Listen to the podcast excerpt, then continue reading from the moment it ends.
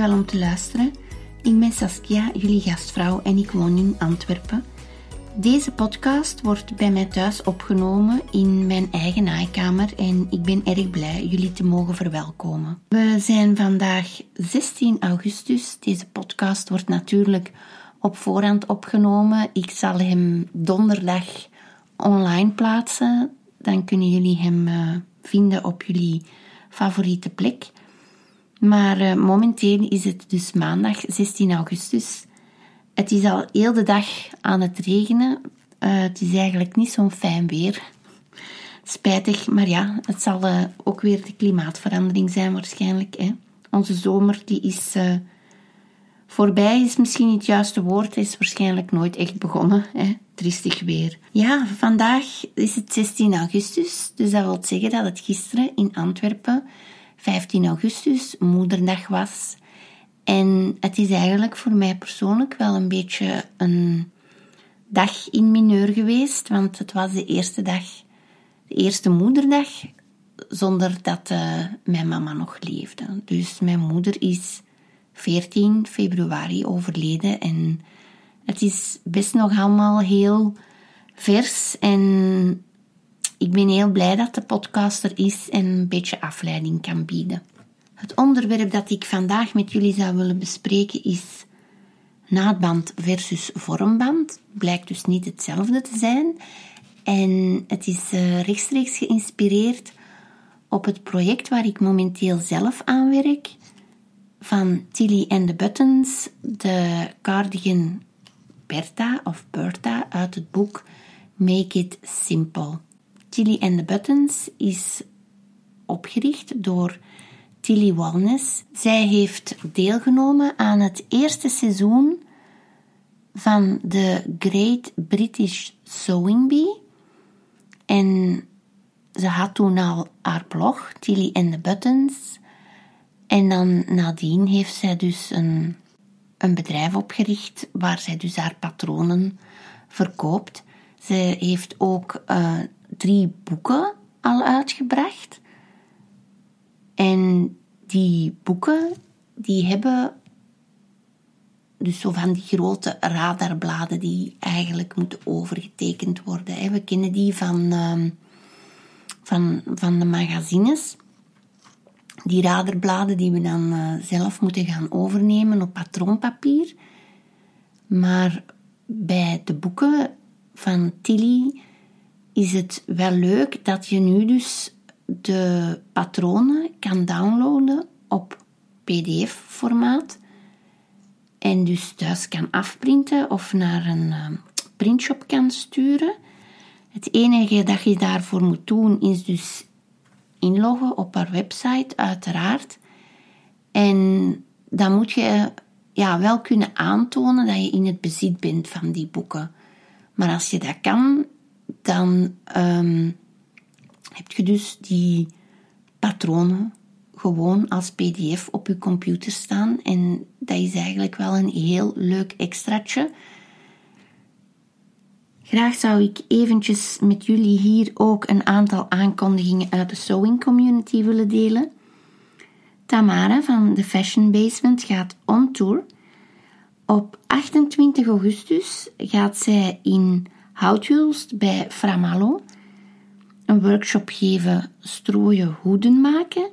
En in september en oktober trekt zij richting de Sewing Loft in Lissewegen voor twee workshops, uh, Pattern Hacks en Pattern Alterations. Tamara van de Fashion Basement is een zeer talentvolle kleermaakster en toch iemand waar dat we wel heel erg trots op mogen zijn dat we die in ons midden hebben. Ik weet niet of er nog plaats is in die workshops, want die aankondiging is op een zeer enthousiaste manier onthaald geweest. Maar ik zou zeggen, houd haar uh, website en haar sociale mediakanalen in de gaten. Want het zou altijd kunnen dat er natuurlijk nog dagen bij komen. Hè?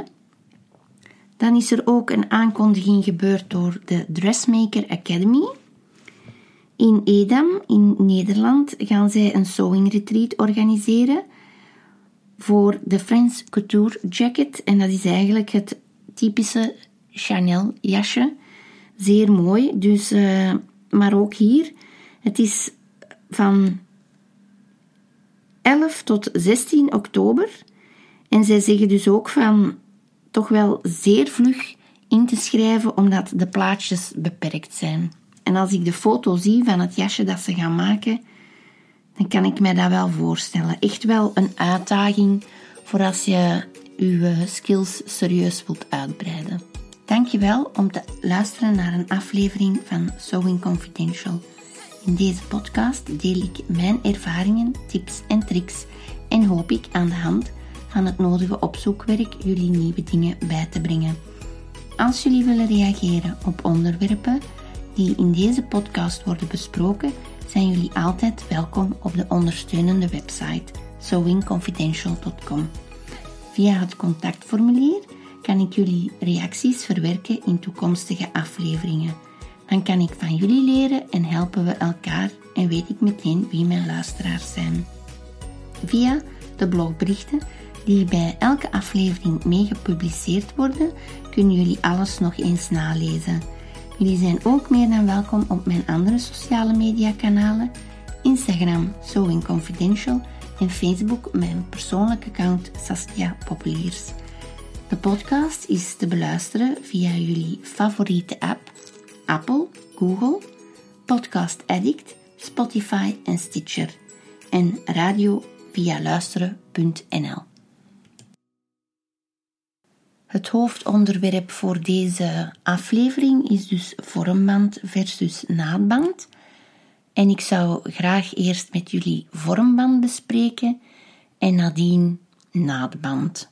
Vormband is een soepel, opstrijkbaar schuin randje met draden versterkt. Dus dat is 12 mm breed en op 4 mm van de kant is er dus een stiksel doorgestikt. En het is dus eigenlijk bedoeld voor ronde en uitgesneden randen van geweven stoffen te kunnen verstevigen.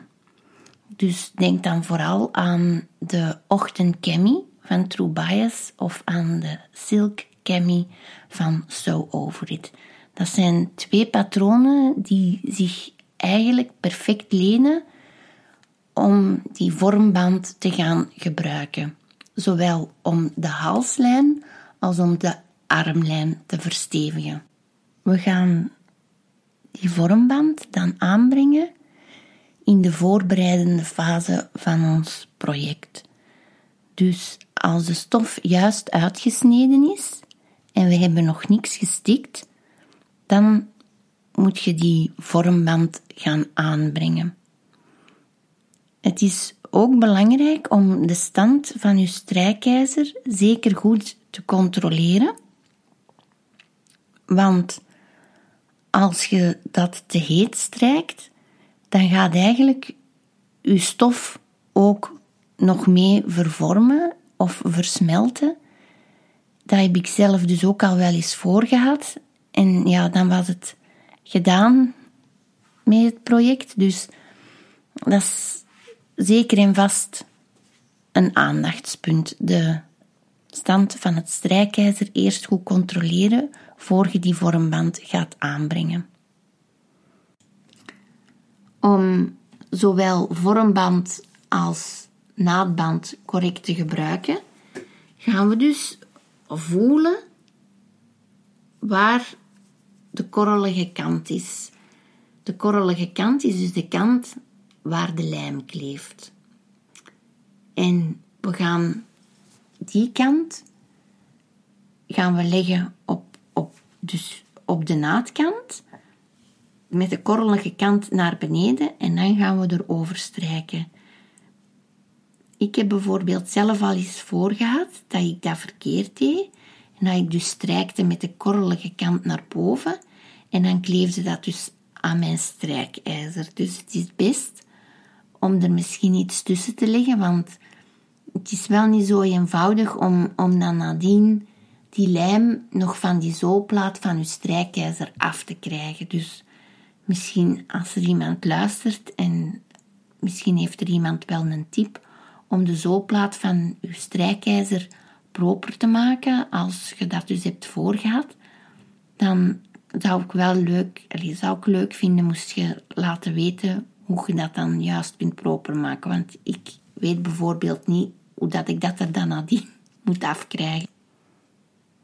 Om ons nu terug te focussen op vormband. We gaan die dus gebruiken op stukken die schuin van draad gesneden zijn.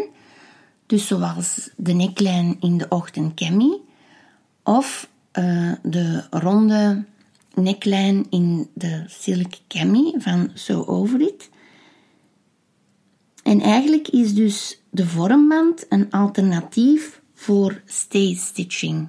Als je dus een Engels patroon hebt en je ziet staan stay stitching, dan is de vormband daar eigenlijk een perfect alternatief voor. Nu, stay stitching, dat heet in Nederlandstalige patronen verstevigende steek. En hoe gaat je dat gebruiken, een verstevigende steek? Stel je voor als je zegt, ja, ik heb die vormband niet, of ik, ik vind dat weggegooid geld. Ik, ik werk liever op een meer traditionele manier. Dan gaat je dus die verstevigende steek doen ook op het moment dat je je project nog aan het voorbereiden bent. Dus als bijvoorbeeld uw naadwaarde anderhalve centimeter is, dan gaat je stay, stay stitch of uw verstevigende steek dus op 12 mm stikken. En bijvoorbeeld met een naadwaarde van 1 cm gaat uw verstevigende steek dan stikken op 8 mm. En die verstevigende steek of die stay stitching, hè, zoals in het Engels, stay, dat kan eigenlijk gewoon blijven. Dus je gaat nadien ook die steekjes niet meer terug moeten verwijderen. Als we gaan werken met vormband, dan gaan we eigenlijk maar op één stuk stof de vormband toevoegen. Dus bijvoorbeeld een, een armlijn of een neklijn of een halslijn in een, in een topje heeft ook steeds een, ja, een voering. Hè.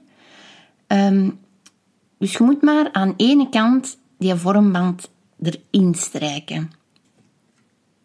Als we gaan werken met de verstevigende steek of met de stitching, dan gaan we wel aan de twee stukken stof, zowel in, in de stof van het, dus de stof van de buitenkant en de stof van de voering, dan gaan we wel aan alle twee die kanten die steekjes aanbrengen. Het is ook zo, als je die stay stitching of die verstevigende steek aanbrengt, dan stikt je dus maar op één deel stof. Dus je moet ook oppassen dat je, dat je naaimachine de stof ja, niet gaat opeten. Omdat je meestal toch eh, voor een, voor een topje wel met heel fijne stofjes werkt. Dus als je dan maar met één deel stof werkt, dan is het soms nogal rap gebeurd dat de stof in de naaimachine verdwijnt en dat moet je dus ook proberen te voorkomen. Naadband is een soort strijkbare vlieslinnen, maar dan in een dunne strook. Dus dat is letterlijk die grote stukken vlieslinnen die wij per meter kopen in de stoffenwinkel of in de fournituurwinkel. Vlieslinnen afgesneden op 1 cm breed. En wordt dus gebruikt voor het verstevigen van de naden. Dus het meest courante gebruik is eigenlijk de schoudernaden die worden verstevigd in een t-shirt of in een uh, sweater. Dat is eigenlijk een goed voorbeeld waar je die naadband zou kunnen gebruiken.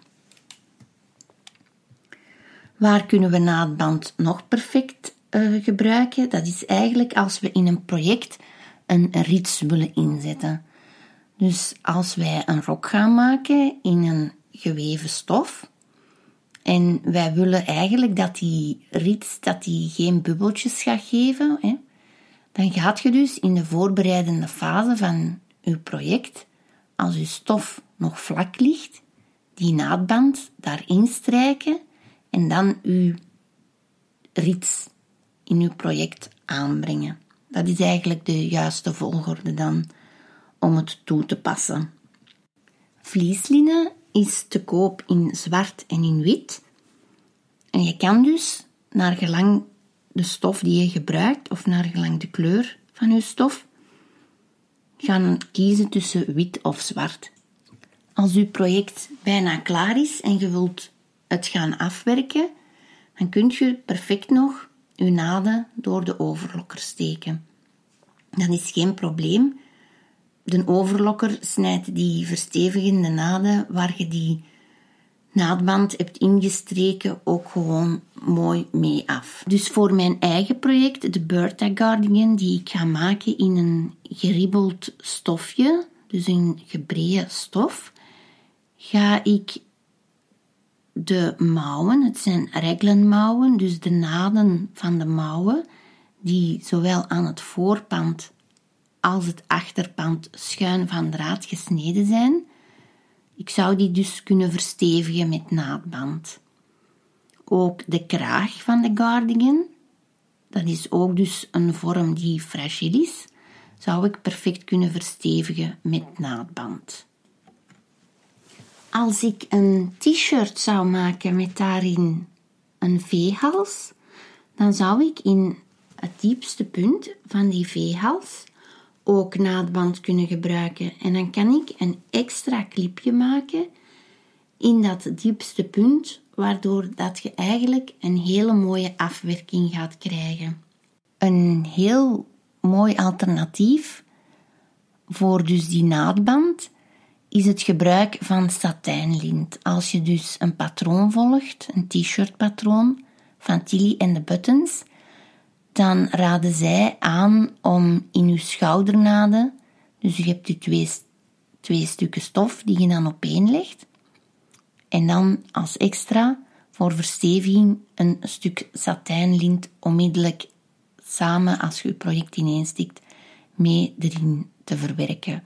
Ook een heel mooie afwerking wel. En als je gaat zien, als je dus kleding koopt in de winkel, dan zie je dat dat een techniek is die soms ook wel gebruikt wordt in ready-to-wear. In het boek The Colette Guide to Sewing Knits, geschreven door Alison Clare, wordt er ook uh, vermelding gemaakt dat je de schoudernaden van een t-shirtstof ook perfect kan steun geven door het gebruik van transparante elastiek, clear elastic. Nu, ik heb dat even nagekeken. Ik heb zelf nog nooit met clear elastic of transparante elastiek gewerkt. Maar hier is dat dus te koop onder de merknaam Prim. Ziezo, voor vandaag heb ik alles besproken. Ik hoop dat jullie het interessant vonden. Dankjewel om te luisteren. Ik hoop jullie volgende week terug te kunnen verwelkomen, maar voor nu is het gedaan. Het is voorbij. Tot de volgende keer. Dag!